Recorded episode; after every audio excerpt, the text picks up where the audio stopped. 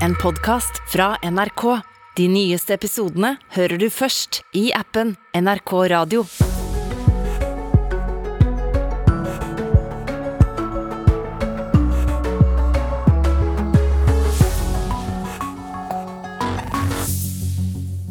God morgen.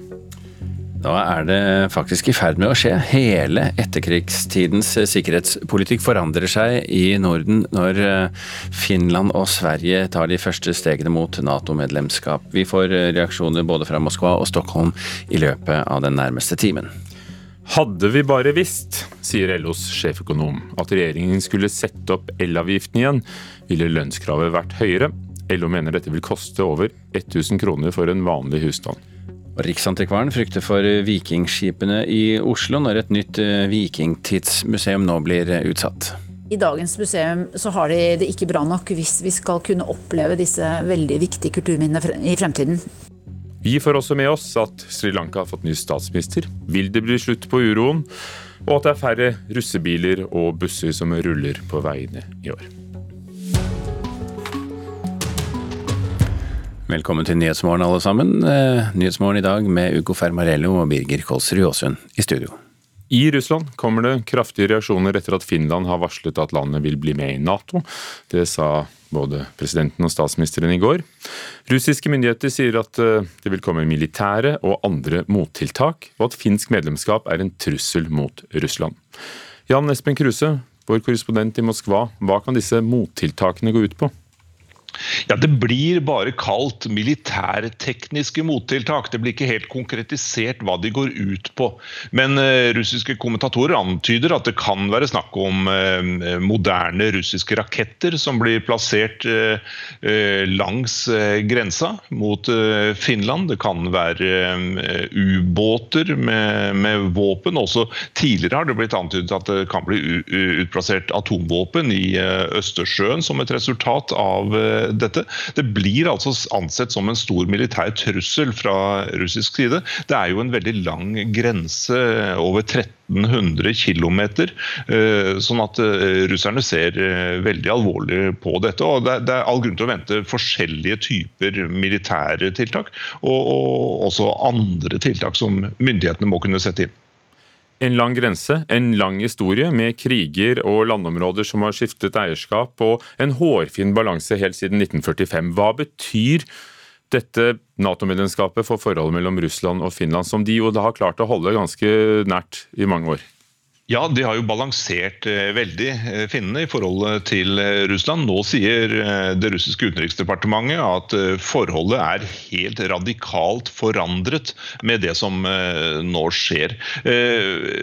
Finland og Russland har jo drevet utstrakt handel. Begge land har hatt nytte av dette i, mange tiår. Pekes det på fra russisk side nå er dette et tilbakelagt kapittel. Nå kommer militære styrker som tidligere hevder man fra russisk side har vært trukket eh, et stykke tilbake fordi Finland har vært nøytralt. Nå kommer disse styrkene til å, å, å, rykke fram til eh, grensa, er det som blir sagt på russisk side. Så, så forholdet til Finland er nå helt annerledes. Men denne muligheten må da russiske politiske tenkere ha hatt klart for seg eh, der de sitter i Kreml, at Finland og Sverige kunne bli Nato-medlemmer som en følge av invasjonen av Ukraina? Ja, Man skulle jo tro det. Eh, fra vestlig side i hvert fall så pekes det jo på at uh, russerne uh, var veldig hardt ute. Et hovedargument fra russisk side før krigen i Ukraina var jo det at Nato kom så nære Russlands grenser. Og også gjennom via Ukraina. Men resultatet som russerne får nå, er jo til de grader at Natos styrker kommer nære Russlands grenser, både i Finland og på Sverige svensk eh, side, i tillegg til eh, lenger sørover. Så, så, så ja, eh, russerne sier at talsmannen til president Vladimir Putin sier at de har tenkt på det, men kanskje er de villige til å betale denne prisen. Fra vestlig side, sier du, og det er jo her vi, vi får nyhetene fra. Men hvordan blir dette dekket i russiske aviser og medier? Ja, Det er en veldig stor sak. I, I, hele går så rullet og gikk dette på statlig eh, russisk eh, TV og i alle andre typer eh, medier. En versjon som blir trukket fram på russisk side, er at det er USA som står bak dette. Finnene har ikke noe særlig de skal har, De har ikke noe å si, hevder man på, på statlig russisk TV, fordi USA krever å få komme med Nato inn i Finland og i i Sverige også. Sånn at eh, Det er den versjonen av virkeligheten som eh, kommer her. Ikke det at eh, disse landene og folk der har blitt såpass skremt at, av krigen i Ukraina at de finner det best å, å gå til Nato. Så Russiske politikere de sier at dette hadde skjedd uansett hva Russland hadde gjort. Det var bare et påskudd for å komme seg inn i Sverige og Finland, hevder man her. Takk for at du følger med for oss, Jan Espen Kruse. God morgen videre i Moskva. Så kan vi jo ta med at eh, nesten 600 sykehus og helseklinikker i Ukraina er angrepet siden den russiske invasjonen startet, og dette er ifølge den ukrainske presidenten. Volodymyr Zelenskyj sier minst 100 sykehus har blitt eh, ødelagt. Han hevder også at russiske styrker i går angrep Tsjernihiv-regionen og traff flere skoler. Men det går litt eh, begge veier for tiden. Da I går kom jo nyheten om at eh, Ukraina har angrepet et russisk marinefartøy i Svartehavet. Eh, skipet sto i går kveld i brann, ifølge militære myndigheter i Odessa-regionen. Så er dette ikke bekreftet av andre kilder, så vi må bare ta med det. Ukraina hevder at skipet ble truffet i nærheten av denne Slangeøya i eh, Svartehavet, der det har vært en del kamper i det siste. Eh, og denne lille øya den ligger da i nærheten av Ukrainas sjøgrense til Romania, altså en sentral og viktig del av Ukraina. Og nettopp når det gjelder ukrainere i Norge, så lovet regjeringen 48 millioner kroner til 1000 ekstra studieplasser beregnet på dem. Eh, og da har behovet for å gi studieveiledning til eh, disse menneskene vært stort. I går arrangerte Universitetet i Bergen en egen messe for ukrainske ungdommer. Ukrainere som ønsker å studere i høst, får da utvidet eh, søknadsfrist. Rektor Margaret Hagen er glad for at universitetet kan tilby 250 ekstra plasser spesielt for ukrainere.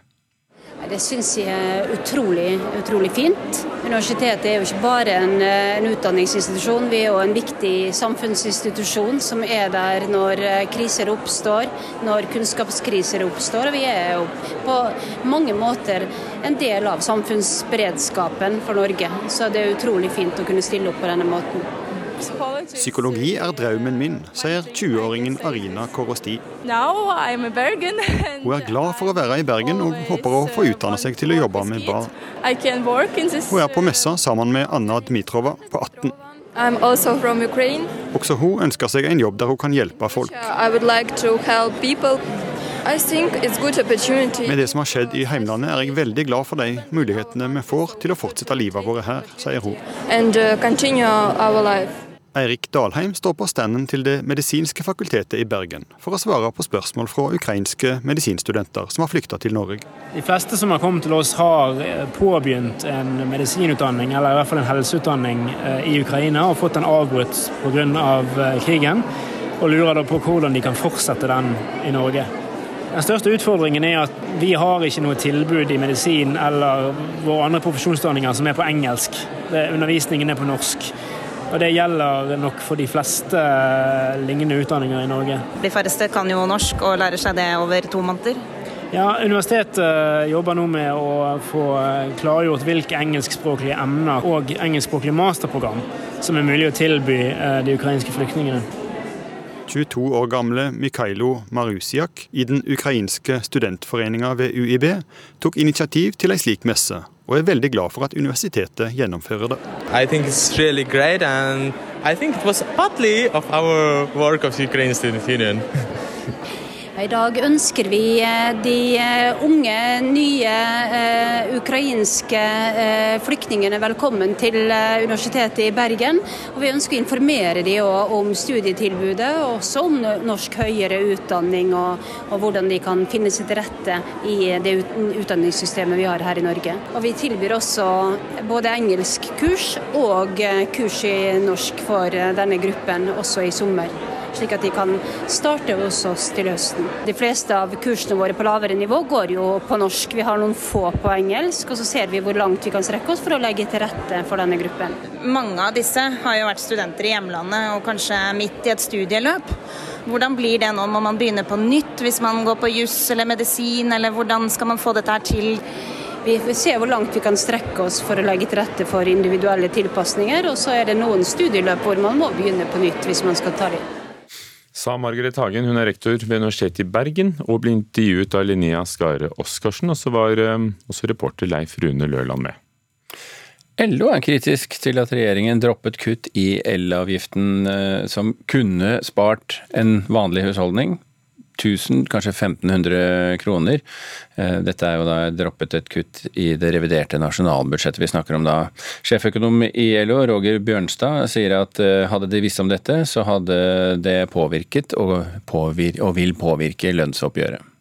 Det bidrar til å øke prisveksten og øke kostnadsveksten for husholdningene, som sliter nå langs en rekke dimensjoner, og opplever også renteøkninger på toppen av dette. Sier sjeføkonom i LO Roger Bjørnstad. På dette punktet så har vi da opplagt bommet. For Bjørnstad og de andre som beregnet lønnsveksten før årets lønnsoppgjør, trodde nemlig at regjeringen ville fortsette med halvert elavgift året ut. Et kutt som ville spart mange husstander for en drøy tusenlapp. Vi har jo bedt om en videreføring av eh, denne halveringen i elavgift eh, for å lette kostnadssituasjonen for eh, lønnstakere og husholdninger. Og Bjørnstad sier tallet for årets prisvekst ville blitt høyere hvis de visste at elavgiften skulle opp. Et tall som gjerne brukes som grunnlag for arbeidstakernes krav i lønnsoppgjøret, når de vil sikre økt kjøpekraft. Løpet er jo kjørt for at dette blir tatt med inn i årets eh, lønnsoppgjør. Når vi eh, la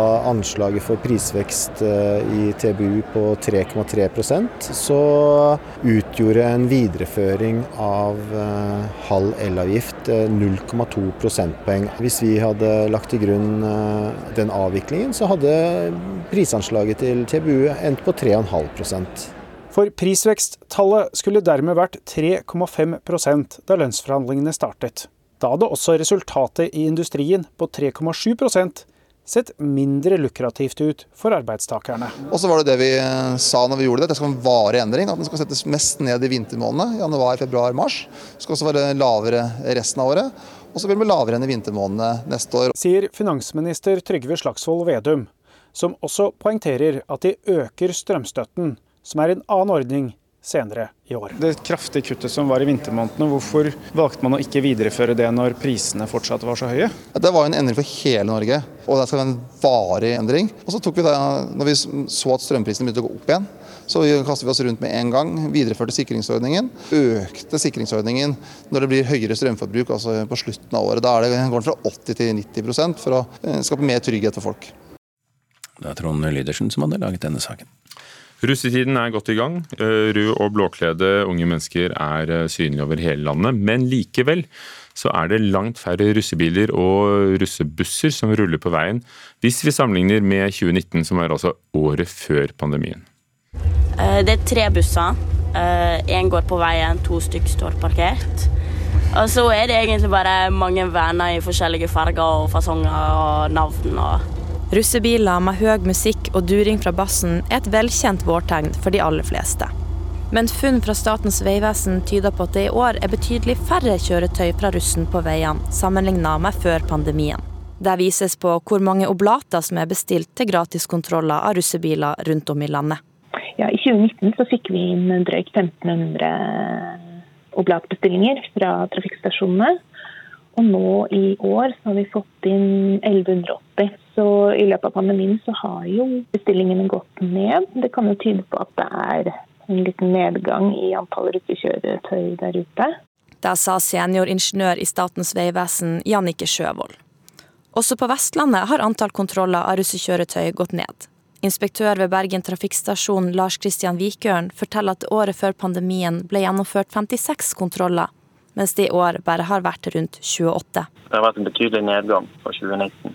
Og Voss, Nordfjordeid og Førde har hatt en mindre nedgang på lette kjøretøy, men i Bergen har det vært en stor nedgang. Det hender at det er litt annerledes ute i distriktene, kanskje litt mer avhengig av bil. Han presiserer at kontrollene kan gi en indikator på hvor mange godkjente kjøretøy det er, men ikke et konkret tall. Han tror det kan være lokale faktorer som påvirker russen i valget om kjøretøy. Altså hvordan uh, Russen sant? de samles jo gjerne og de snakker jo med hverandre. Så det kan, jo, det kan jo hende det har litt sånn lokale forhold hvordan de har tenkt å utføre feiringen. For de feirer han vel sammen de fleste steder. Dette kan Førde-russen Renate Sørbotn, Irene Øverstad og Fredrik Sinde si seg enig i. De er medlem av russegruppa Blue Blood, og for de ble russebil et naturlig valg pga. området russefeiringa ble lagt til. Vi fikk jo vite at vi skulle på Mo, jeg er jo ikke i sentrum, og det er ikke like lett for alle å komme seg frem og tilbake, så derfor ble mange grupper opphengt i at de ville ha van. Fordi at jeg vet at det er flere grupper både på Hafstad og på Øyrene som ikke skulle ha van originalt, men siden de fant ut at vi skulle på Mo, så ville de ha van pga. tilgjengeligheten, egentlig. Russen tror korona kan ha påvirka folk sin avgjørelse om å ha russekjøretøy. Jeg tenker det kan være at korona har satt en liten stopper for det. fordi tidligere venner har jo brukt alle tre åra sine på videregående til å samle opp penger osv. til rustida. Og pga. korona så kan jo det ha stoppa dem fra å gjøre dugnader osv. På tross av kostnader og pandemi tror ikke russen at nedgangen i kjøretøy er en trend for framtida. Nå vet vi at det ble i år, og jeg tror ikke det blir noe mindre til neste år. Altså, det er jo allerede et godt utgangspunkt med mange forskjellige vaner og busser i Førde, så jeg tror det er veldig stor sannsynlighet for at neste års russegruppe vil kjøpe Verna fra i år. For de har jo sett Verna, de har kanskje sittet på med dem og hørt dem og bare tenkt sånn å, vi vil kanskje gi bud på den. Så jeg tror ikke det vil gå ned, akkurat. Nei, det trodde hun ikke. Og reporter var Dina Nybø Olavsen. Eh, og Kasper Valestrand var med på å lage reportasjen ute på veien.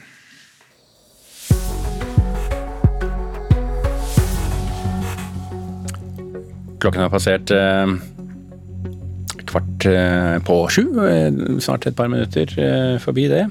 Her er Nyhetsmorgen og våre viktigste saker i dag. Minst 100 sykehus er fullstendig ødelagt i krigen, sier Ukrainas statsminister Zelenskyj i natt. Både kommunene og staten selv må bosette flyktninger raskere, hevder arbeids- og inkluderingsministeren. Og dataangrepet mot Norkart, der personopplysninger eh, tilhørende 3,3 millioner av oss kom på avveie, skjedde trolig etter en menneskelig feil, skriver Aftenposten i dag. Norges Fotballforbund eh, de ønsker å arbeide for at lovene mot homofili i Qatar blir suspendert mens eh, fotball-VM pågår i slutten av året. Det er en farlig løsning for homofile som bor i landet, mener sosialantropolog Mari Nordbakk. Jeg tror det er mer ødeleggende enn positivt. Jeg tror ikke den midlertidige suspensjonen vil gjøre noe som helst for skeive katter. fordi jeg tror ikke de vil se Oi, yes, nå i en måned så tør vi å leve ut uh, foran uh, TV-kamera, og så etterpå skal vi liksom på en måte gå tilbake til å leve skjult igjen. Norbakk, som er postdoktor ved Christian Michelsens institutt i Bergen, har bodd i Qatar og skrevet doktorgrad om arbeidsmigrasjon til landet. Forholdene for disse arbeiderne er mange karakterisert som moderne slaveri.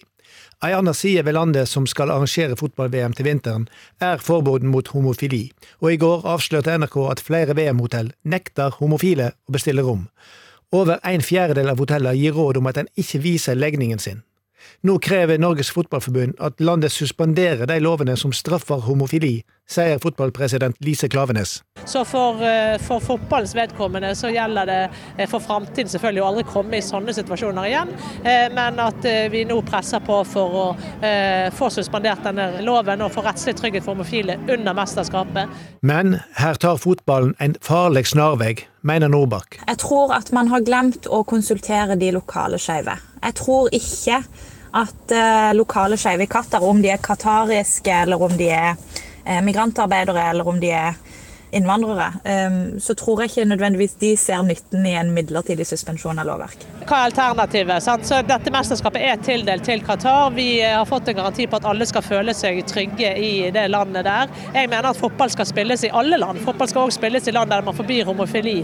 Men nettopp kortvarig suspensjon av lover som forbyr homofili, kan koste dyrt, mener forsker Mari Nordbakk. Min frykt er jo at eh, det at saken politiseres på denne måten, kan føre til et backlash. For nettopp homokritikk har blitt straffa før, legger hun til. Det har vært eksempler med, med, afrikanske stater der man har gått inn og sagt å, vi vil ikke gi bistand, eller vi vil ikke ha bilateralt samarbeid med dere, fordi at situasjonen for skeive i landet deres er dårlig, eller dere har Eh, lovgivning som forbyr homofili.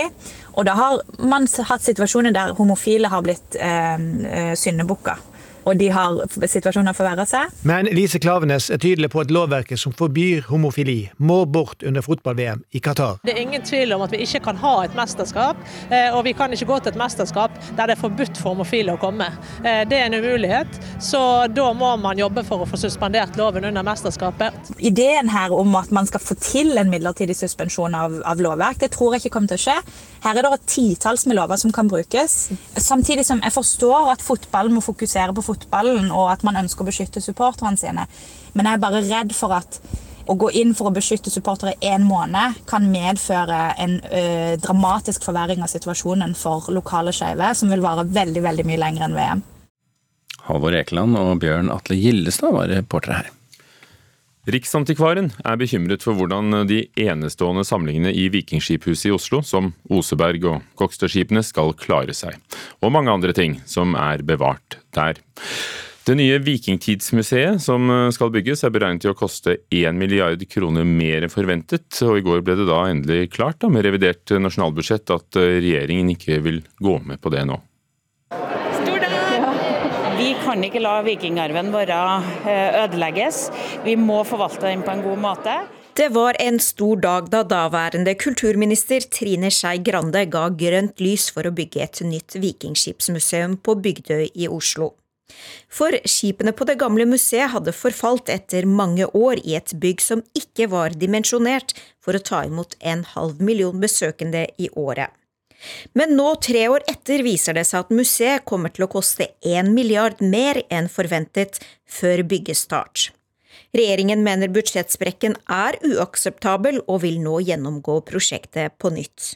Når vi da kommer i den situasjonen at eh, et prosjekt som eh, skulle ha kosta sånn 2,2 milliarder, eh, nå risikerer å gå med 1 milliard i overskriding før start, da er vi helt nødt til å ta en stopp. Det sier Oddmund Hoel, som er statssekretær i Kunnskapsdepartementet. Hoel legger også til at dette ikke betyr at prosjektet skrinlegges. Men Håkon Glørstad, som er direktør ved Kunsthistorisk museum, frykter at skipene vil forfalle for hver dag som går mens diskusjonen om prislappen pågår. Vi sløser bort verdifull tid med, eh, med å, å, å, krangle og, og prosjektere. Og at samlingen rett og slett går i stykker mens vi venter på nytt museum. Glørstad mener det haster å få nasjonalskattene fra vikingtiden i et nytt bygg. Allerede i 2012 så konkluderte et ekspertutvalg med at det hastet å få på plass et nytt museum for å kunne ta vare på dem på en ordentlig måte. Nå er det ti år siden denne konklusjonen ble tatt. Museumsdirektøren får støtte fra riksantikvar Hanne Geiran. I dagens museum så har de det ikke bra nok hvis vi skal kunne oppleve disse veldig viktige kulturminnene i fremtiden. Vi er opptatt av at eh, skipene får den beste behandlingen. Fordi dette er eh, kulturarv som har nasjonal og også stor internasjonal betydning. Dette vil jo være en tragedie, fordi uh, det betyr at disse skipene kommer til å bli enda mer ødelagt. Sier nestleder i Miljøpartiet De Grønne, Arild Hermstad. Hermstad mener regjeringen skaper usikkerhet rundt det nye museet. Selv om en milliard er mye penger, så hvis du sammenligner med alle de milliardene regjeringen har um, satt av til f.eks. Eh, motorveier eller eh, regjeringskvartalet, så mener jeg det er en sum som Norge rett og slett må sette av. Vi er helt nødt i den økonomiske situasjonen som eh, staten står i, og situasjonen rundt, om, rundt, rundt oss i verden, å gå gjennom alle prosjekt vi har der det er betydelige overskridelser. Og 1 milliard på toppen av 2,2 milliarder er en veldig stor overskridelse. Museumsdirektøren har en oppfordring oppfordring til regjeringen. Jeg eh, mener at eh, det viktige nå er å holde oss til den planen vi har jobbet nøye og lenge med nå over mange år for hvordan vi skal ta eh, vare på samlingen, og at vi følger den. For det er, det er gjort grundige utredninger på at dette er den absolutt beste måten å sikre samlingene på. Sa Håkon Glørstad, han er direktør for Kulturhistorisk museum ved Universitetet i Oslo, reportere Mineve Gildis og Aida Korami.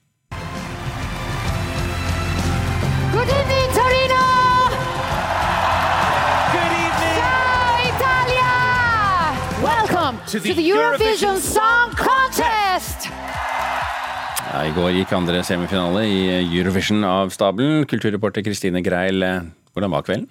Det var en glitter- og glam-kveld i kjent Eurovision-stil. Ti nye land fikk eh, finalebillett, og det gikk veldig bra for våre kjære naboland Sverige og Finland, som begge kom videre. Um, også Tsjekkia kom videre, som har to nordmenn med i bandet sitt We Are Domi, med Benjamin Rekstad og Kasper eh, Hatlestad.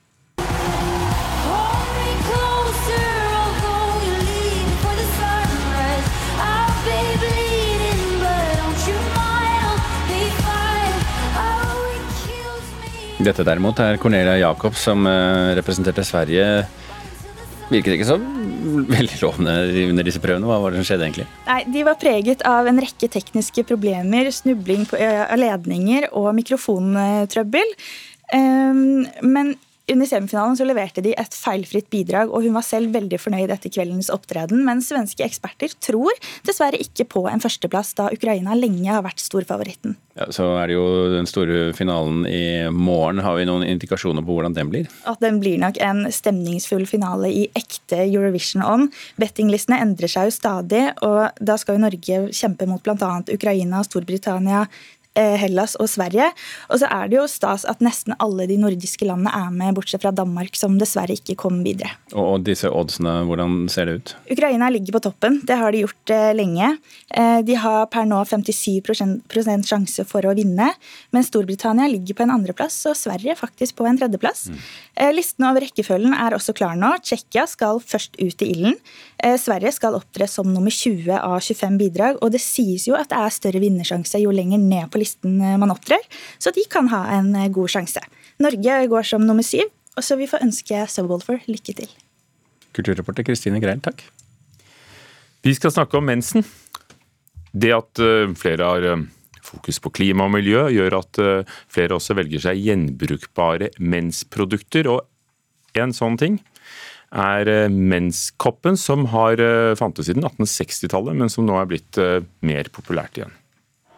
I hånda holder jeg nå noe som ser ut som et rosa eggeglass av silikon.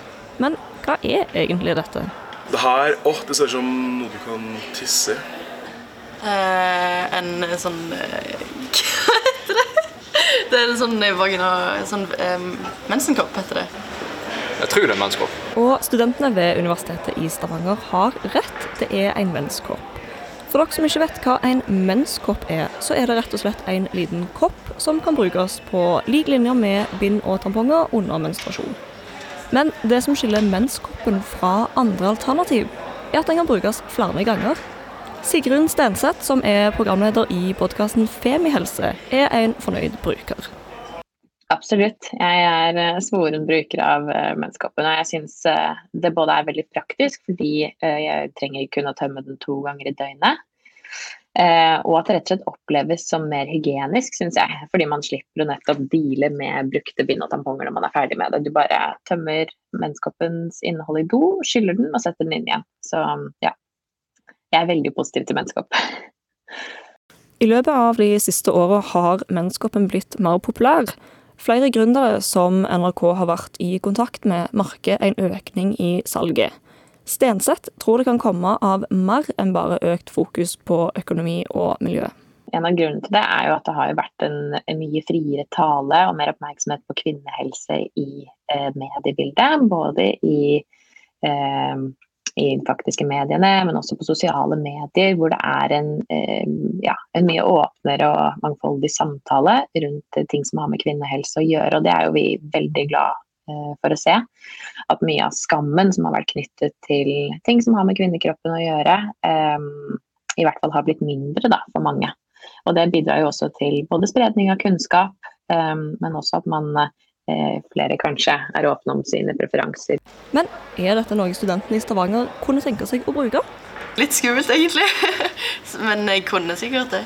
Ja, kanskje. Jeg har liksom hørt noe om det, men jeg har liksom ikke tenkt uh, så langt på å prøve det. Men det hadde vært interessant å prøve det ut. Er det greit å gi i bursdagsgave og julegave?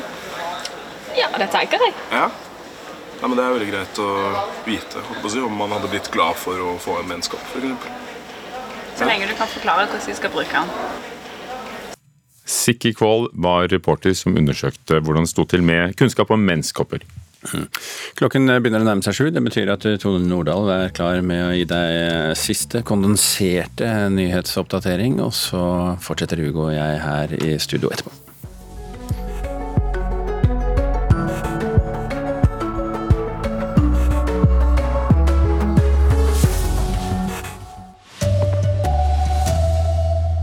God morgen, her er NRK Dagsnytt klokka sju.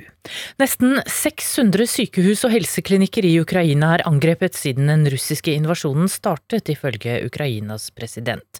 Volodymyr Zelenskyj sier minst 100 sykehus i landet er fullstendig ødelagt.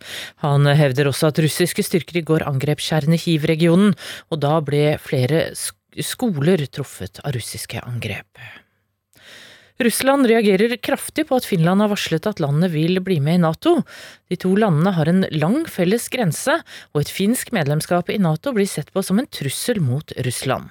Russland sier landet vil komme med ulike mottiltak, men det er foreløpig ikke klart hva det betyr, sier korrespondent Jan Espen Kruse i Moskva. Det blir bare kalt militærtekniske mottiltak. Det blir ikke helt konkretisert hva de går ut på. Men uh, russiske kommentatorer antyder at det kan være snakk om uh, moderne russiske raketter som blir plassert uh, langs grensa. Det kan være ubåter med, med, våpen. Også tidligere har det blitt antydet at det kan bli utplassert atomvåpen i Østersjøen som et resultat av dette. Det blir altså ansett som en stor militær trussel fra russisk side. Norges Fotballforbund vil jobbe for at lovene mot homofili i Qatar blir opphevet midlertidig under fotball-VM mot slutten av dette året. Men det er en farlig løsning for homofile som bor i landet, sier sosialantropolog Mari Nordbakk. Jeg tror det er mer ødeleggende enn positivt. Jeg tror ikke den midlertidige suspensjonen vil gjøre noe som helst for skeive katter. Norbakk, som er postdoktor ved Christian Michelsens institutt i Bergen, har bodd i Qatar og skrevet doktorgrad om arbeidsmigrasjon til landet. I går avslørte NRK at flere VM-hotell nekter homofile å bestille rom.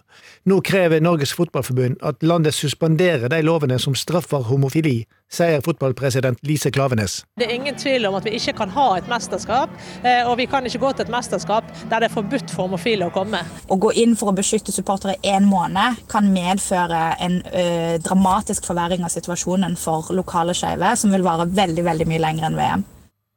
Reporter her var Bjørn Atle Gildestad. I Nord-Korea er minst én person død etter å ha blitt uh, smittet av koronaviruset. Det skriver det statlige nyhetsbyrået KCNA ifølge Reuters. I går kom den første bekreftelsen uh, fra Nord-Korea om at korona har kommet til landet, og i dag kommer altså meldingen om det første dødsfallet. Det statlige nyhetsbyrået skriver at en feber med ukjent opphav har spredt seg i Nord-Korea siden slutten av april, og at nesten 200 000 mennesker nå blir behandlet på på isolat. Det var NRK Dagsnytt, i studio Tone Nordahl.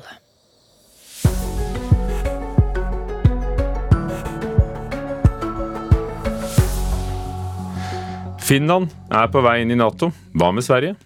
En rapport Riksdagen har bestilt, viser ifølge Aftonbladet, at landet vil bli veldig utsatt for angrep hvis det står alene igjen i Østersjøen. Så det ser vi på her i Nyhetsmorgen, og regjeringen i Norge som skjerper tonen og ber om at både kommunene og at ikke minst deres eget direktorat får fart på å bosette flyktninger fra Ukraina. Det har vært ukevis med demonstrasjoner i Sri Lanka. Nå har landet endelig fått en ny statsminister, og spørsmålet vi stiller er selvfølgelig vil han klare å løse alle de problemene som ligger bak denne uroen. Nyhetsmorgen i dag med Birger Kåsrud Aasund og Ugo Fermariello i studio. Sverige vil altså være veldig utsatt for angrep eh, hvis de blir de eneste som står igjen utenfor Nato i Østersjøen, rundt Østersjøen. Dette slår den sikkerhetspolitiske utredningen Riksdagen i Sverige har bestilt, fast ifølge Aftonbladet. I Sverige er støtten til Nato på meningsmålinger voksne, og en søknad kan være bare dager unna. Det har også folk eh, vi traff i Stockholm i går kveld, innsett. Det forsterker jo det, så uh, jeg tror sikkert at Sverige går med. Og jeg syns nå det er rett. Ja, hvorfor hvorfor syns du det er riktig nå? Jo, ellers er det endast vi som står utenfor, som er såpass nære Russland også. Så at, uh, det er vel det enda vettige.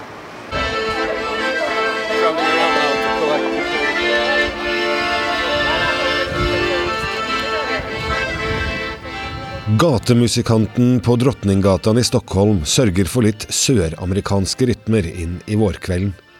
Og Sverige ser også ut til å danse seg inn i Nato nå.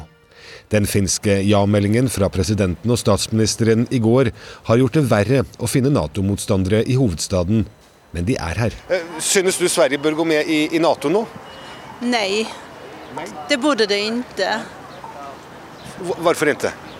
Uh, jag kan inte säga så mycket men uh, jag tror att uh, Sverige eller Norden är ett litet plats på jorden och vi klarar oss utan Nato-medverkan. Forteller Elisabeth til NRK før hun må haste videre.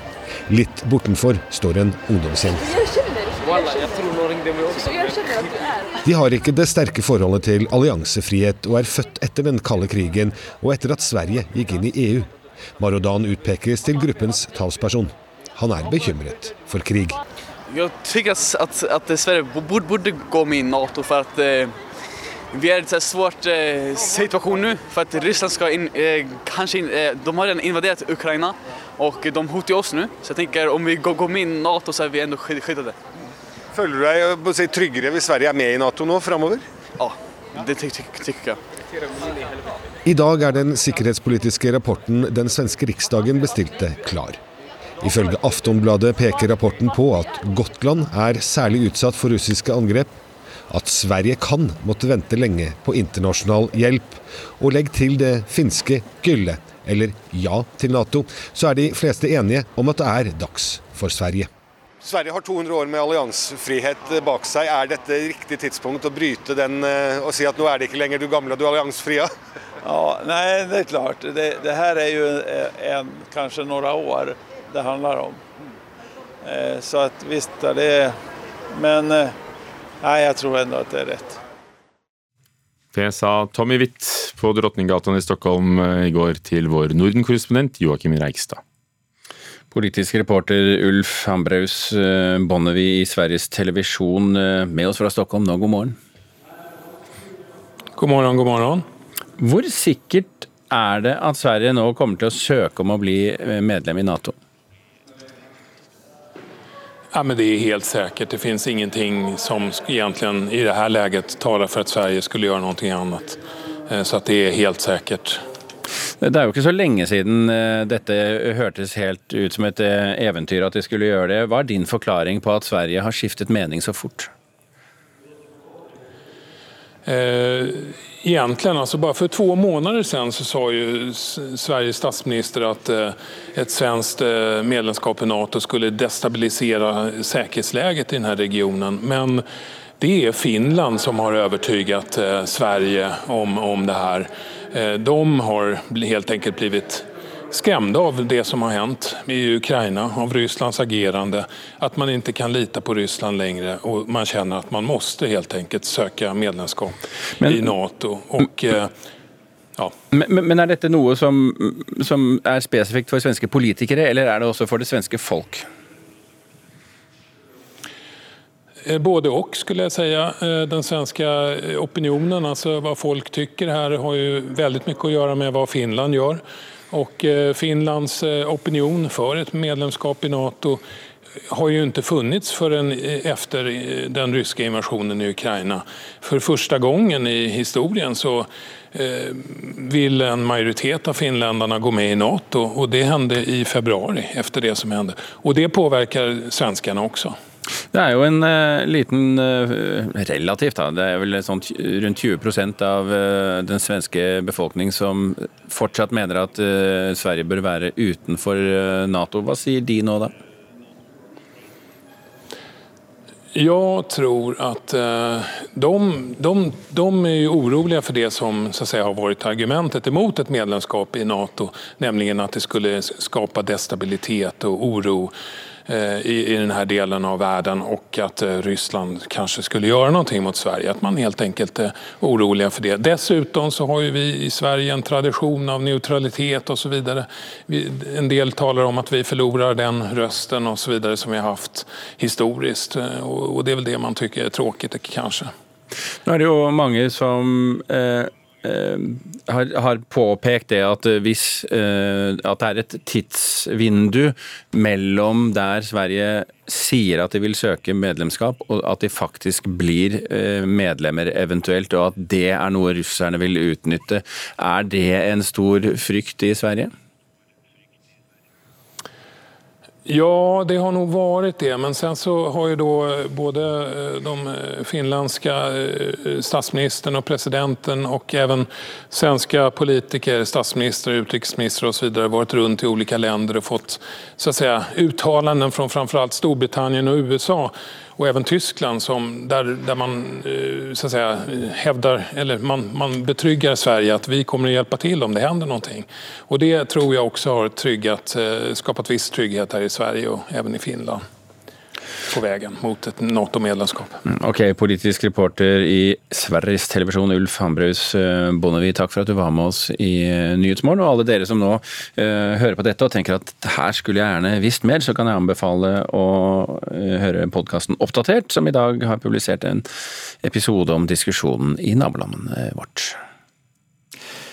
Og så vår egen regjering. Det må gå raskere å bosette ukrainske flyktninger eh, enn det har gjort hittil. Det sier arbeids- og inkluderingsministeren Marte Mjøs Persen. I går hørte vi om kommuner som etterlyser flyktninger. Hvor blir de av, spurte de. Og nå ber statsråden både kommunene og eh, Inkludering- og mangfoldsdirektoratet, IMDi, om å få fart på bosettingen.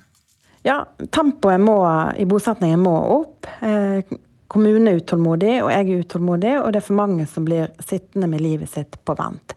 Marte Mjøs Persen er ansvarlig statsråd for bosetting av flyktninger. Hun ser at jobben med å skaffe boliger til ukrainske flyktninger går for tregt.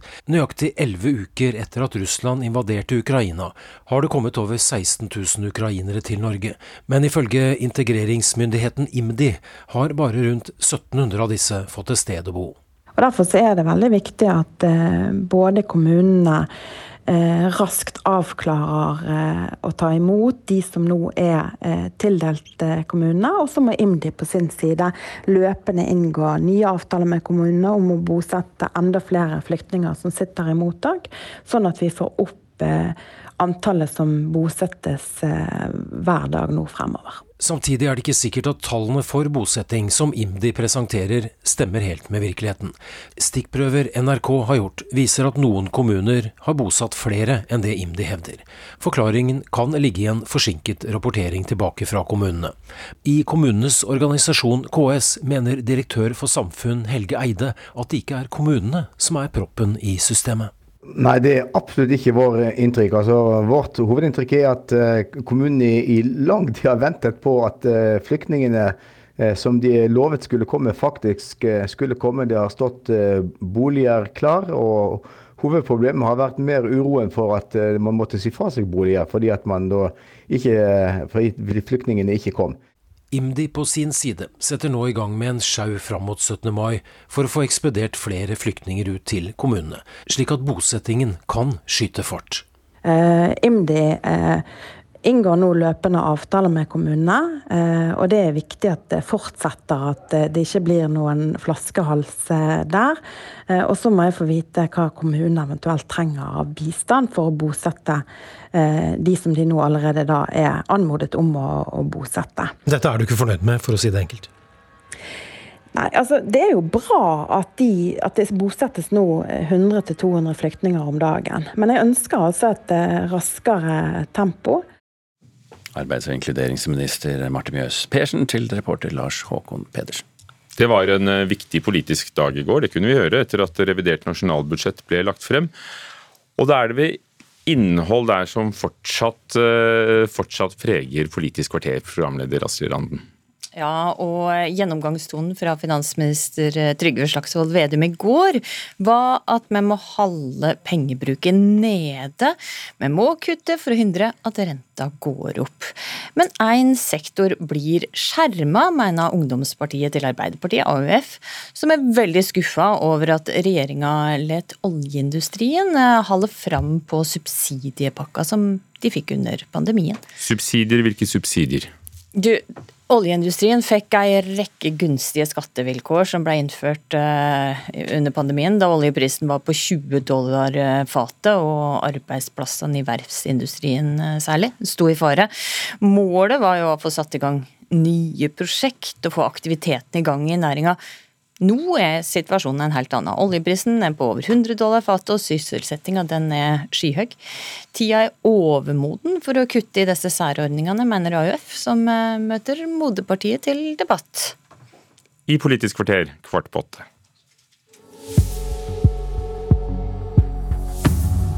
Det var ikke mange sekundene siden eh, klokken passerte kvart over sju akkurat eh, nå, så da kan vi jo ta en liten oppsummering da, av eh, nyhetene våre i denne morgenen.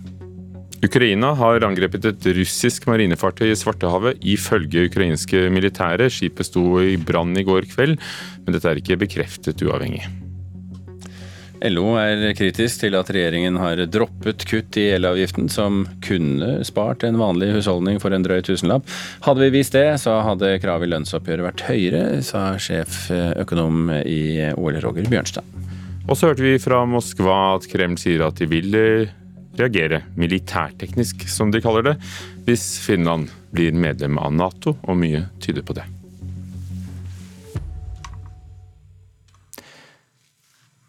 Nå til eh, Nord-Korea, som kan stå overfor et alvorlig koronautbrudd. I går så kom det jo frem at en person i landet hadde fått påvist koronasmitte. Og i dag så melder statlige nyhetsbyrået KCNA at en person er død av koronasmitte. Og dermed har de erklært krise i landet. Reporter Ole Reinar Tromvik, eh, hva mer kan du fortelle? De meldingene vi har fått inn på byråene foreløpig tyder på at eh, det kan være en mulig pandemi på gang i eh, Nord-Korea. Hittil har det vært eh, svært vanskelig å få informasjon om koronasituasjonen i landet, og mange eksperter har antatt at viruset har vært i landet en stund, uten å få dette bekreftet. I dag kommer altså de første meldingene om at én person er død av korona. Totalt er seks personer døde med feberlignende symptomer, som da kun er én påvist av korona. Videre heter det at 187 eh, 000 mennesker nå er isolert og behandles for febersymptomer, uten videre spesifisering. Hva sier eh, myndighetene selv, da? Ifølge da dette statlige nyhetsbyrået KCNA så sier myndighetene i landet at det har vært et eh, utbrudd av omikron-varianten av korona i hovedstaden Pyongyang, og at de nå iverksetter nedstengninger. Hvor omfattende er denne pandemien? Kan vi si noe om det? Det fremgår jo ikke klart av disse eh, meldingene eh, om, eh, om, det er korona eller en annen sykdom, men ifølge meldingene så har en, en smitte spredt seg også utenfor hovedstaden. Og at denne smittespredningen har pågått siden april. Hvordan står det til med vaksineringen der? Nord-Korea har jo avvist å ta imot uh, vaksiner. Uh, I fjor så fikk de tilbud fra AstraZeneca og en, japansk, uh, en kinesisk produsent om å motta vaksiner, men dette ble avvist for Nord-Korea har bestemt seg for at, bestemte seg for at de skulle stenge grensene, og at det skulle være måten de skulle hindre smittespredning i landet. Det Ser ikke ut til å ha hjulpet det? Nei, altså Nord-Korea grenser jo til uh, Sør-Korea, som har hatt uh, et stort utbrudd. Og Kina, som også ligger i nabolaget her, som, som, for øyeblikket har en det er vel den tredje bølgen av uh, pandemien som, som nå rammer Kina. Så, så, det er klart at det er jo mange steder rundt Nord-Korea hvor denne smitten har vært omfattende. Og det har vært en viss trafikk inn i landet fra disse landene. Kim Jong-un har jo tidligere uttalt at eh, korona det er ikke noe vi har her i landet. I går så vi han med maske. Eh, hva sier han nå? Han eh, ble altså sett da på en helseinstitusjon med maske, og ifølge dette statlige eh, byrået som vi har vist deg her nå, så var dette første gang han er sett offentlig med, med en ansiktsmaske. Han erklærte da en krisetilstand i, i landet, uh, uten at det blir da direkte knyttet til korona. For man har ikke påvist om da disse 187 000 menneskene uh, har korona. eller om det er en bare feber foreløpig? Det, det er jo foreløpig ikke påvist om, om, de har fått korona, alle disse, som mm. da ligger uh, isolert. Ole Reiner Tomvik, takk. Sri Lanka har fått nytt statsminister, og det skjer etter uker med, og ikke minst de siste dagene, hvor det har vært uro, brente hus, flere drepte og hundrevis av skadede.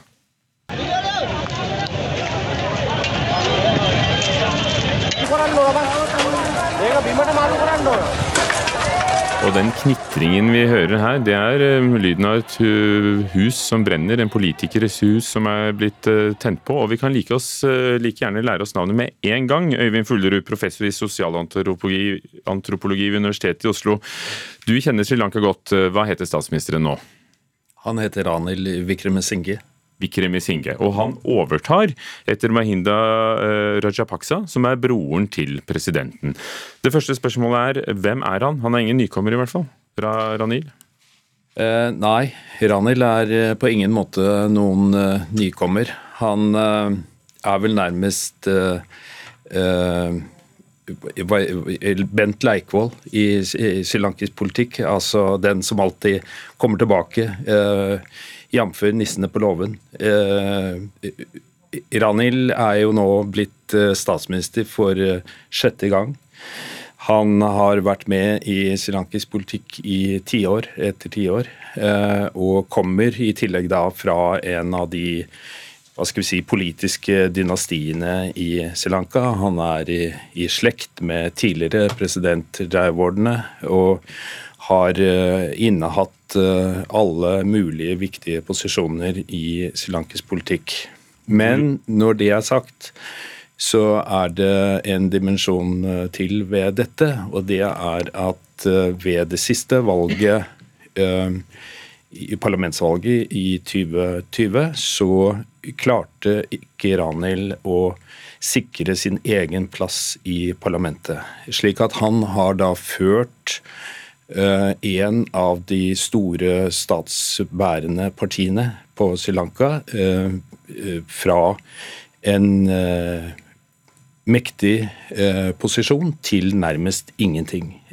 Så United, United, National Party, som, Lanka, som, Ranil leder, har i dag ingen viktig posisjon lenger på Sri Lanka. Og det er et land som har stått eh, hardt i det økonomisk, eh, veldig avhengig av turismen, som da ble så å si borte med pandemien, eh, og ikke minst også etter de terroristangrepene som var for noen år siden. Men hvorfor denne uroen nå? Hvorfor voldsomme opptøyer? Ja, altså jeg tror det er, det er, to sider ved disse demonstrasjonene. Altså de ble jo utløst ved en akutt knapphet på grunnleggende varer, altså på drivstoff, på, eh, på medisiner, på importvarer, og eh, samtidig galopperende priser på de produktene som landet selv produserer, altså ris, grønnsaker osv., som folk er eh, avhengig av. Men over tid, altså i løpet av disse ukene som demonstrasjonene har eh, pågått, så har fokuset for demonstrantene mer og mer rettet seg mot å fjerne Rajapakse Eh, familien fra eh, srilankisk eh, politikk. Rajapakse er jo da president, Kota Rajapakse. Broren gikk da som statsminister for noen dager siden, men, men disse har jo da satt inn diverse nevøer og, og, familiemedlemmer inn i viktige posisjoner? Ja, det har de, men i tillegg så hører det jo med til historien at statsministeren som nå gikk av, altså Mahinda, er jo Eh, tidligere president i to perioder. Han satt jo som president fra 2005 til 2015. Slik at det er Mahinda som på sett og vis er eh, Rajapakse-klanens overhode og, og, og, egentlig sterke mann, kan man si. Men som nå da ble avsatt av sin egen bror eh, i presidentens forsøk på å redde sitt eget eh, skinn. La oss høre presidenten. Vi har ham her. මම මේ සතිය තුළ පාර්ලිමේන්තුවේ බහුතරයගේ විශ්වාසය දිනාගත්තු Han sier, er det blitt oss fortalt, at han jobber for at den nye regjeringen skal få kontroll på situasjonen. Men er det noe som tyder på at den nye regjeringen og den nye statsminister Vikram Messinger vil klare å få forsyningen i orden og folk til å, å roe seg? Nei. jeg tror ikke det. Og det hører med til dette bildet også at presidenten først tilbød statsministerposten til leder for opposisjonen, altså Sajid Bremadasa, men som stilte da betingelser om at presidenten i løpet av en periode skulle trekke seg for at han skulle gå inn i statsministerposten. Og Dermed så gikk tilbudet fra presidenten videre til Ranel Wickremesinghe, som da tydeligvis ikke har stilt tilsvarende krav. Og Det tilsier at uh, dette er et forsøk på, fra presidenten på å redde seg selv. og jeg, jeg, tror mer enn landet, og jeg tror ikke at dette vil få gemyttene til å roe seg på Sri Lanka. Det tror jeg ikke. Ja, Det er jo leit for at det blir stående som siste ord, men det, det gjør det. Takk skal du ha, Øyvind Fullerud, professor i sosialantropologi ved Universitetet i Oslo, om Sri Lanka, som var ny statsminister.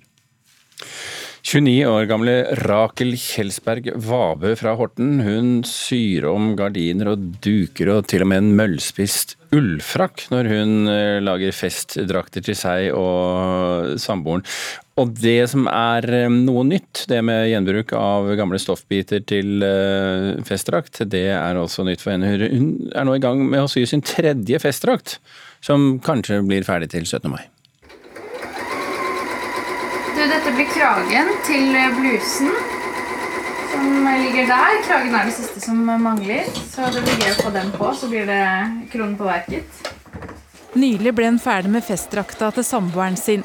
Rakel Kjelsberg Vabø forvandler damaskduk til skjorte og gjør en gardin om til vest. Eller en møllspist ullfrakk etter foreldrenes opprydding om til nikkers. Den var litt møllspist i hjørnene, og så sa jeg at den er perfekt for meg. Den tar jeg med meg hjem. For da fikk vi jo da det svarte ullstoffet som vi ønska oss. Festdrakta var ferdig etter to måneder og kostet 500 kroner. Da er ikke de nye bunadskodene og hatten tatt med. Rakel Kjelsberg Vabø leter i bruktbutikker og på loppemarkeder etter tekstiler hun kan bruke.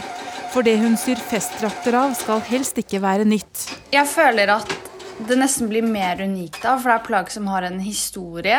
Og det skal veldig mye til at noen andre har noe lignende. Det er så mye bruk og kast-kultur i Norge og i verden og i Vesten og i det hele tatt, så vi prøver liksom å ikke være helt med på det hamsterhjulet der, da. Syfellesskapet Fabrik har også merket stor interesse for festdrakter med brukte tekstiler. I underkant av 200 mennesker har kjøpt mønstre i år, ifølge en av gründerne Ingrid Bergtun i Fabrik. Hun tror mange kommer til å ha på seg festdraktene 17. mai. Jeg tipper mange kommer til å stille opp i gjenbrukstekstiler på 17. mai. Hun sier de har ambisjoner om å lage mønster til festdrakte herre og barn fordi folk har etterspurt det.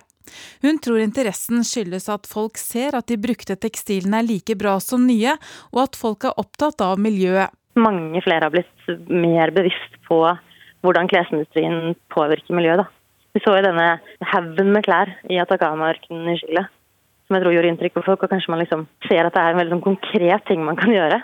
Bare ta i bruk gamle tekstiler istedenfor nye. Leder Camilla Rossing i Norsk institutt for bunad og folkedrakt syns det er bra at folk har sydd festdrakter med brukte tekstiler de siste årene, og sier det representerer noe nytt. Man tar i bruk andre typer tekstiler, duker eller putetrekk eller som, som, opprinnelig har vært noe annet, og bruker det om igjen i en festdrakt. Vi har vel kanskje sett det før også, men det har på en måte det har jo vært gjort noen stunt i år som jeg føler representerer noe nytt. da. En festdrakt skiller seg fra bunad ved at den bl.a. ikke trenger å ha tilknytning til et område, og kan skifte uttrykk fra år til år, ifølge Rossing.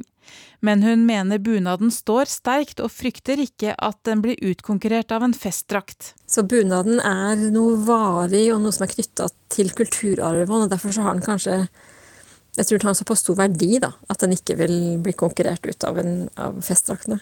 Rakel Kjelsberg Wabø skal ha på en av sine hjemmesydde festdrakter på nasjonaldagen. Samboer Christian Pedersen Treås gleder seg til å ha på sin nye, som han har prøvd og vet passer. Jeg liker jo å pynte meg litt. Jeg tror, jeg, jeg tror nærmere at jeg følte meg finere enn jeg hadde bunad da jeg var liten. Og det har jeg fått høre at jeg likte veldig. Jeg har jo sett deg småprøve den. Du blir et skue på 17. mai. Jeg gleder meg til å glane på deg hele dagen.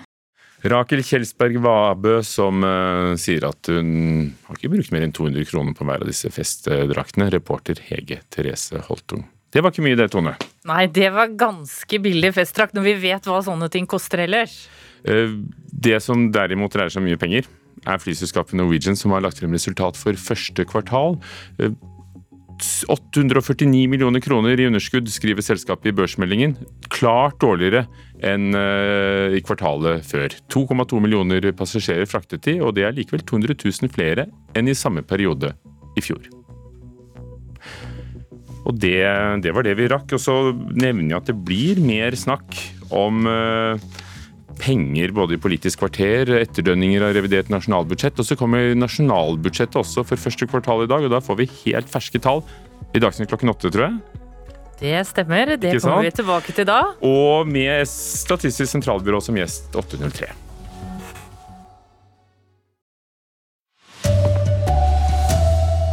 Norge må få opp farten med å bosette flyktninger fra Ukraina, sier minister. Kommunen er utålmodig, og jeg er utålmodig, og det er for mange som blir sittende med livet sitt på vent. Nord-Korea sa nei til koronavaksiner. Nå sprer viruset seg i landet. Og homofile i Qatar kan få det verre hvis forbudet mot homofili oppheves under fotball-VM. God morgen, dette er saker det blir mer om i Dagsnytt 7.30. Først altså, bosettingen av ukrainske flyktninger i kommunene må skje raskere. Det sier arbeids- og inkluderingsminister Marte Mjøs Persen. I går fortalte NRK om at kommuner etterlyser flyktninger som de kan bosette. Nå ber statsråden om at farten settes opp. Ja, tempoet må, i bosetningen må opp. Kommunen er utålmodig, og jeg er utålmodig, og det er for mange som blir sittende med livet sitt på vent. Marte Mjøs Persen er ansvarlig statsråd for bosetting av flyktninger. Hun ser at jobben med å skaffe boliger til ukrainske flyktninger går for tregt. Nøyaktig elleve uker etter at Russland invaderte Ukraina, har det kommet over 16 000 ukrainere til Norge. Men ifølge integreringsmyndigheten IMDi har bare rundt 1700 av disse fått et sted å bo. Og Derfor er det veldig viktig at eh, både kommunene eh, raskt avklarer eh, å ta imot de som nå er tildelt kommunene. Og så må IMDi på sin side løpende inngå nye avtaler med kommunene om å bosette enda flere flyktninger som sitter i mottak, sånn at vi får opp antallet som bosettes hver dag nå fremover. Samtidig er det ikke sikkert at tallene for bosetting som IMDi presenterer, stemmer helt med virkeligheten. Stikkprøver NRK har gjort, viser at noen kommuner har bosatt flere enn det IMDi hevder. Forklaringen kan ligge i en forsinket rapportering tilbake fra kommunene. I kommunenes organisasjon KS mener direktør for samfunn Helge Eide at det ikke er kommunene som er proppen i systemet. Nei, det er absolutt ikke vår inntrykk. Altså, vårt hovedinntrykk er at uh, kommunen i, lang tid har ventet på at uh, flyktningene uh, som de lovet skulle komme, faktisk skulle komme. Det har stått boliger klar. Reporter her var Lars Håkon Pedersen. Nesten 600 sykehus og helseklinikker i Ukraina er angrepet siden den russiske invasjonen startet, ifølge Ukrainas president. Volodymyr Zelenskyj sier minst 100 sykehus er fullstendig ødelagt i angrepene. Han hevder også at russiske styrker i går angrep Tsjernihiv-regionen, og at flere skoler da ble truffet. Sverige kommer til å være veldig utsatt for angrep dersom landet blir det eneste i Østersjøregionen som ikke er Nato-medlem. Det blir slått fast i en sikkerhetspolitisk utredning som Riksdagen i Sverige har bestilt, ifølge Aftonbladet. Så I Sverige så øker støtten til Nato-medlemskap nå, og en søknad kan være bare noen dager unna.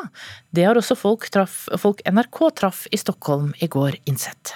Det forsterker jo det, så eh, jeg tror sikkert at Sverige går med. Og jeg tycker nog det er rett. Hvorfor, hvorfor syns du det er riktig nå? Jo, annars er det endast vi som står utenfor. Gatemusikanten på Drottninggatan i Stockholm sørger for litt søramerikanske rytmer inn i vårkvelden. Og Sverige ser også ut til å danse seg inn i Nato nå. Den finske ja-meldingen fra presidenten og statsministeren i går har gjort det verre å finne Nato-motstandere i hovedstaden. Litt bortenfor står en ungdomsgjeng.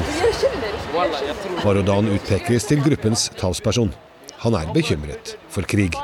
Jeg tycker at, att, att Sverige burde borde gå med i NATO for at eh, vi er i en svår eh, situasjon nå. for at Ryssland skal in, eh, kanskje in, eh, de har invadert Ukraina og de hoter oss nå. Så jeg tenker om vi går, går med i NATO så er vi enda beskyttet. Føler du deg si, tryggere hvis Sverige er med i Nato nå framover? Ja, det ty, jeg. I dag er den sikkerhetspolitiske rapporten den svenske riksdagen bestilte, klar. Ifølge Aftonbladet peker rapporten på at Gotland er særlig utsatt for russiske angrep, at Sverige kan måtte vente lenge på internasjonal hjelp, og legg til det finske gylle, eller ja til Nato, så er de fleste enige om at det er dags for Sverige. Ja, det sa vår Norden-korrespondent Joakim Reigstad. Nå til Nord-Korea, som kan stå overfor et alvorlig koronautbrudd. I dag melder det statlige nyhetsbyrået KCNA at én person er død etter å ha blitt koronasmittet, og at det er erklært krise i landet. Reporter Ole Reinert Omvik, hva er det som skjer i Nord-Korea nå? Ja, Hittil har det jo vært veldig vanskelig å få informasjon om hvordan det stått til med helsetilstanden til nordkoreanerne. Og Mange eksperter har jo antatt at viruset har vært i landet en stund. Og I dag kom altså de første meldingene om at én person er død av korona. Totalt er seks personer døde med feberlignende symptomer, men da kun én er påvist død av korona. Videre heter det at 187 000 mennesker nå er isolert og behandles for febersymptomer uten videre spesifisering. Hva sier myndighetene i det lukkede landet om situasjonen nå? Ifølge det statlige nyhetsbyrået KCNA så sier myndighetene i landet at det har vært et utbrudd av omikron-varianten av korona i hovedstaden Pyongyang, og at de nå iverksetter nedstengninger. Så vidt vi vet er ingen i Nord-Korea vaksinert. Hva skjer nå? Nord-Korea har jo avvist tilbud fra det internasjonale samfunn om å ta imot vaksiner og distribuere dette til befolkningen. I fjor fikk de tilbud fra både AstraZeneca og en kinesisk produsent om å ta imot vaksiner. Isteden skulle jo Nord-Korea unngå å få denne smitten inn i landet ved å holde grensene stengt. Men nå, rett før sending så kom det melding om at Sør-Korea har tilbudt å gi vaksiner til sitt broderfolk i nord. Takk, Ole Reinert Omvik. Vi skal videre til Qatar. Norges Fotballforbund vil arbeide for at lovene mot homofili i Qatar blir opphevet midlertidig under fotball-VM senere i år. Men det er en farlig løsning for homofile som bor i landet, mener sosialantropolog Mari Nordbakk. Jeg tror det er mer ødeleggende enn positivt. Jeg tror ikke den midlertidige suspensjonen vil gjøre noe som helst for skeive Qatar. fordi jeg tror ikke de vil se Oi, yes, nå i en måned så tør vi å leve ut uh, foran uh, TV-kamera, og så etterpå skal vi liksom på en måte gå tilbake til å leve skjult igjen. Norbakk, som er postdoktor ved Christian Michelsens institutt i Bergen, har bodd i Qatar og skrevet doktorgrad om arbeidsmigrasjon til landet. Forholdene for disse arbeiderne er mange karakterisert som moderne slaveri. Ei anna side ved landet som skal arrangere fotball-VM til vinteren, er forbudet mot homofili, og i går avslørte NRK at flere VM-hotell nekter homofile å bestille rom.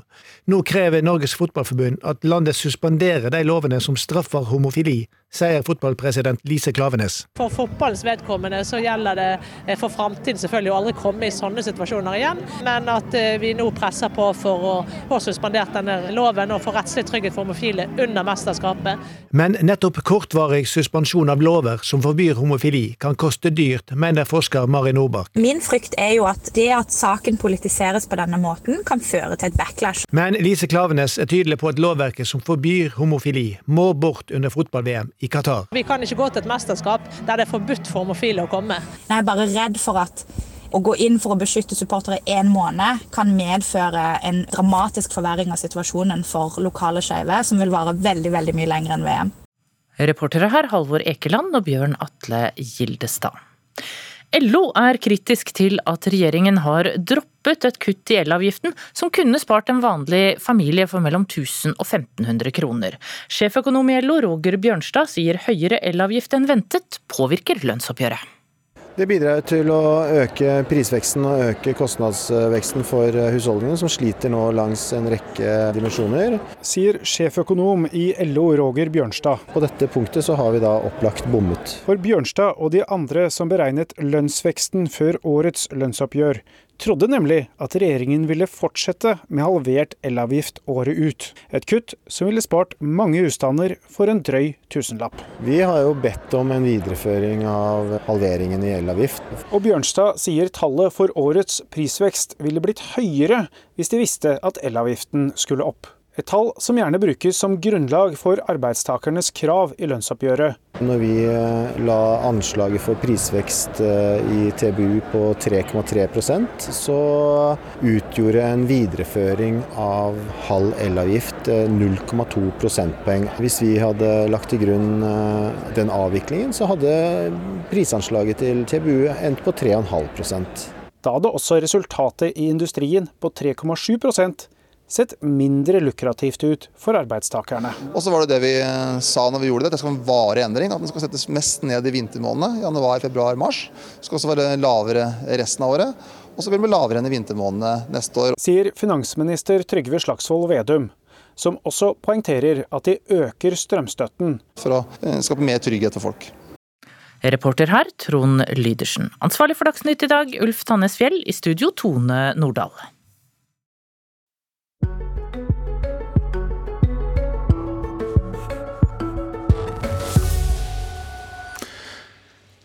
I eh, semifinalen nummer to i rekken i Melodi Grand Prix i går, så ble det klart at Norge skal være syvende låt ut i morgen kveld, for da er det den store Eurovision-finalen. Og når det mystiske Subwoolfer da kommer inn på scenen i Torino, så er det folkefest på Rena. For låten som skal representere Norge, er nemlig klekket ut midt i de dype skoger på Rena i Åmot, der ulven av og til lusker. Fra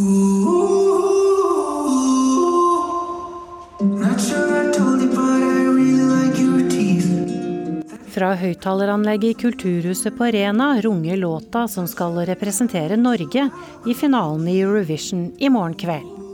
På scenen danser alle elevene ved ungdomsskolen i bygda. De kasta seg rundt for noen dager sia, for denne låta betyr noe helt spesielt for dem. Nei, det er jo litt fordi sangen kommer fra Rana, da. Og vi prøver å på en måte starte en liten fest så Rana kanskje blir litt større rundt omkring, så folk vet på en måte sangen ble laga her og litt sånn forskjellig, da. Sier Julie Hope Pedersen. Det er nemlig musikkverkstedet og studioet The Woods på Rena som har laga låta. Det er veldig spesielt, siden at sangen er lagd på Rena. Så og vi vil jo feire, for vi har jo kommet oss så langt. Vi har kommet oss til finalen. Og da vil vi feire med å vise en dans og vise at vi bryr oss, da. Sier Jenny Skogheim og Cheyenne Birkebekk. Derfor blir det folkefest i Kulturhuset i morgen kveld. Ja, det er jo veldig stas, da. Så da har jo, vi har jo snakka om det en god del på skolen og her, da. Så har vi jo prøvd å pynte litt og satt ut rød løper for å på en måte bringe litt flere folk og vise at det er fest her på lørdag og sånne ting. da. Mm, for nå blir det full fest? Ja, det blir jo det. Og storsalen er snart booka. Så det er jo 300 plasser, og nå er det rundt 100 igjen, tror jeg. I foajeen er den røde løperen rulla ut mot en vegg dekka av tyll i gull og en banan. For i teksten synger de jo at noen må gi den ulven en banan. Ved sida av står en utstoppa ulv. For her i de dype skoger hvor låta ble til, lusker det ulver. Hvis vi vinner, da, så er det jo en av de største tingene som har hendt Rena i musikk. da. Det hadde jo vært det er veldig kult. Det er jo en skikkelig stor ting. Vinne Eurovision. Det er jo største hva heter det, sangkontesten. Mm. Og hvis en sang som kommer fra Rena vinner det, så er det jo en veldig stor ting. Mm. Og en stor ting er det også for ordfører Ole Erik Hørstad, som ikke har fulgt med så mye på Eurovision på mange år før nå. Han har heller ikke fått noe inside informasjon om hvem som er bak ulvemaskene på scenen. Åh, jeg aner ikke. Det, det, tør jeg ikke spekulere i. Jeg, jeg må innrømme jeg kanskje ikke er Min store Grand Prix-opplevelse tror jeg var tilbake i 1979 med Djengis Khan fra Tyskland. Så jeg, etter det jeg, har jeg falt av litt. Så jeg tør ikke, jeg tør ikke tippe.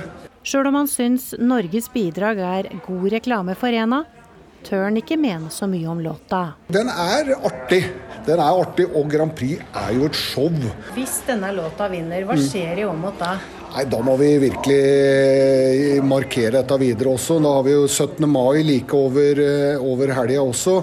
Så da tenker jeg at vi må gjøre noe i parken eh, på 17. mai og, og virkelig spille den låta. Og få det dansen til ungdommene der. og Så hvis denne låta vinner, så kommer det til å være den vi hører om 17. mai på Arena? Det blir det. det blir det.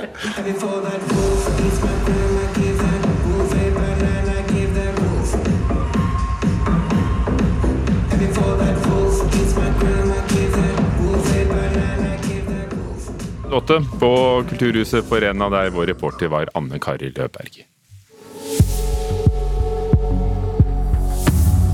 Klokken nærmer seg Politisk kvarter og kvart på åtte. Dette er Nyhetsmorgen i NRK. Overskrifter i dag. Nesten 600 sykehus og helseklinikker i Ukraina er angrepet siden den russiske invasjonen startet, ifølge Ukrainas president. Zelenskyj sier minst 100 sykehus er fullstendig ødelagt. Riksantikvar Hanne Geiran frykter for Roseberg og Gokstadskipene og de andre funnene på Vikingskiphuset i Oslo hvis det blir enda en utsettelse av nytt vikingtidsmuseum. I dagens museum så har de det ikke bra nok hvis vi skal kunne oppleve disse veldig viktige kulturminnene i fremtiden. For det handler jo om penger, da, og det som kommer ble klart på budsjettet, og det gjør sannelig også Politisk kvarter med Astrid Randen.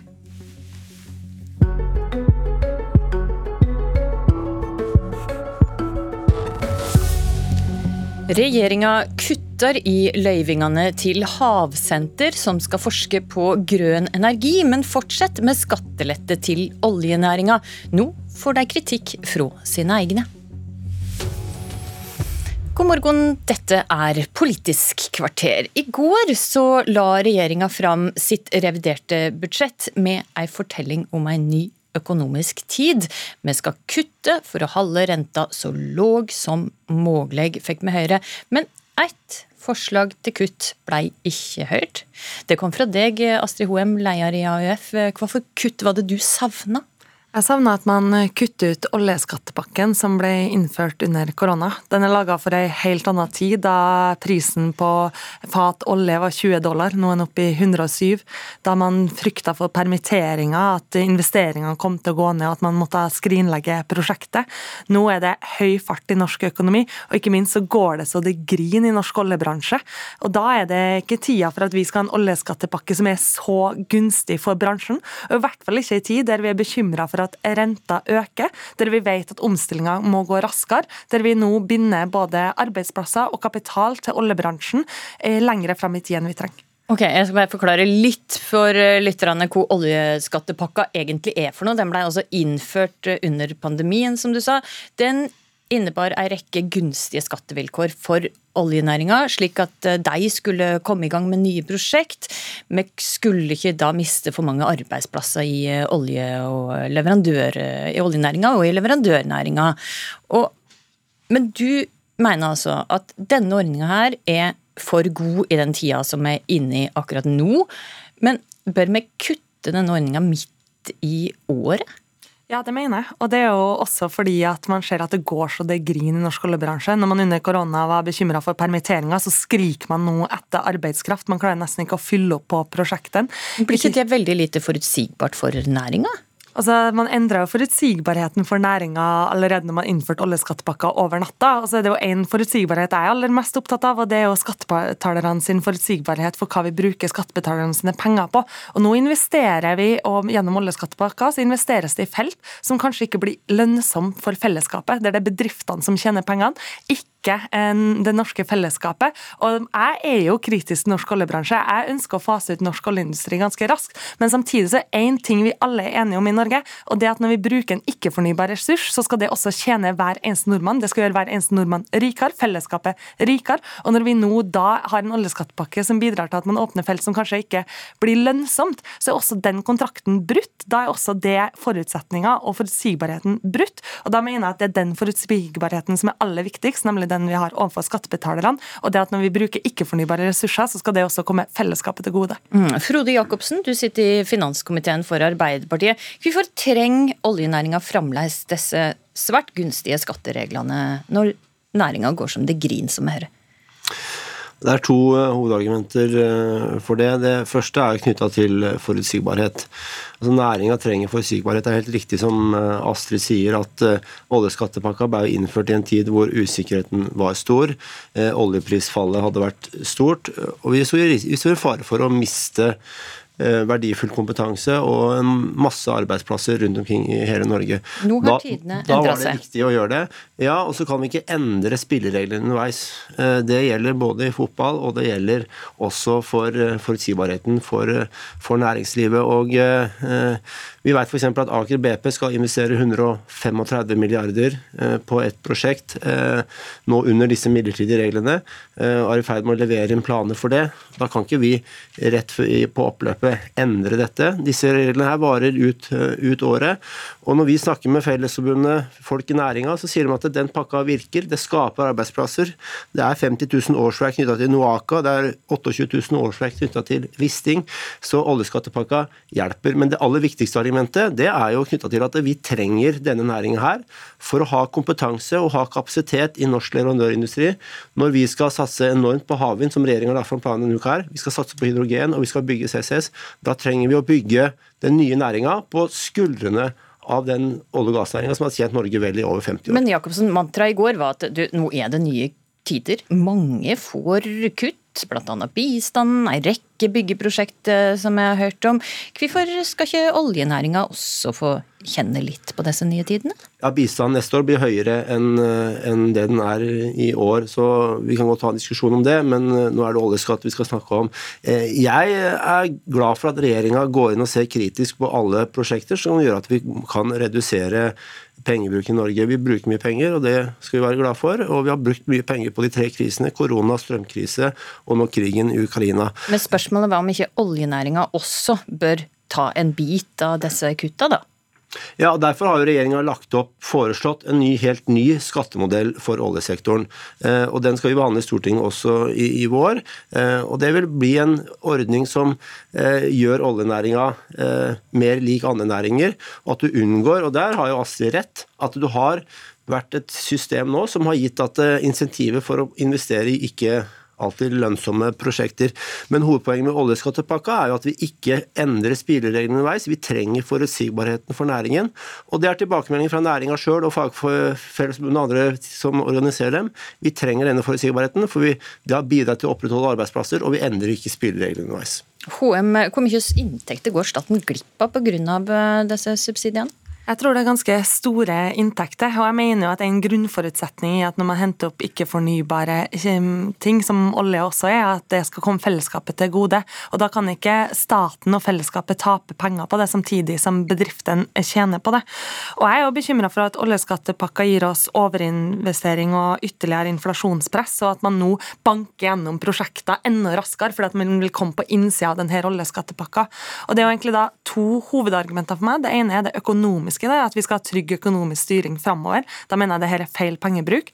Og det andre er jo klimaomstilling, og at vi binder opp kapital og arbeidsplasser i en bransje som vi også vet at vi er nødt til å omstille oss bort fra de kommende åra. Mm. Du, Jakobsen, jeg må bare litt tilbake til noe du sa tidligere, OM, at dette kan føre til at vi går inn for ulønnsomme prosjekter.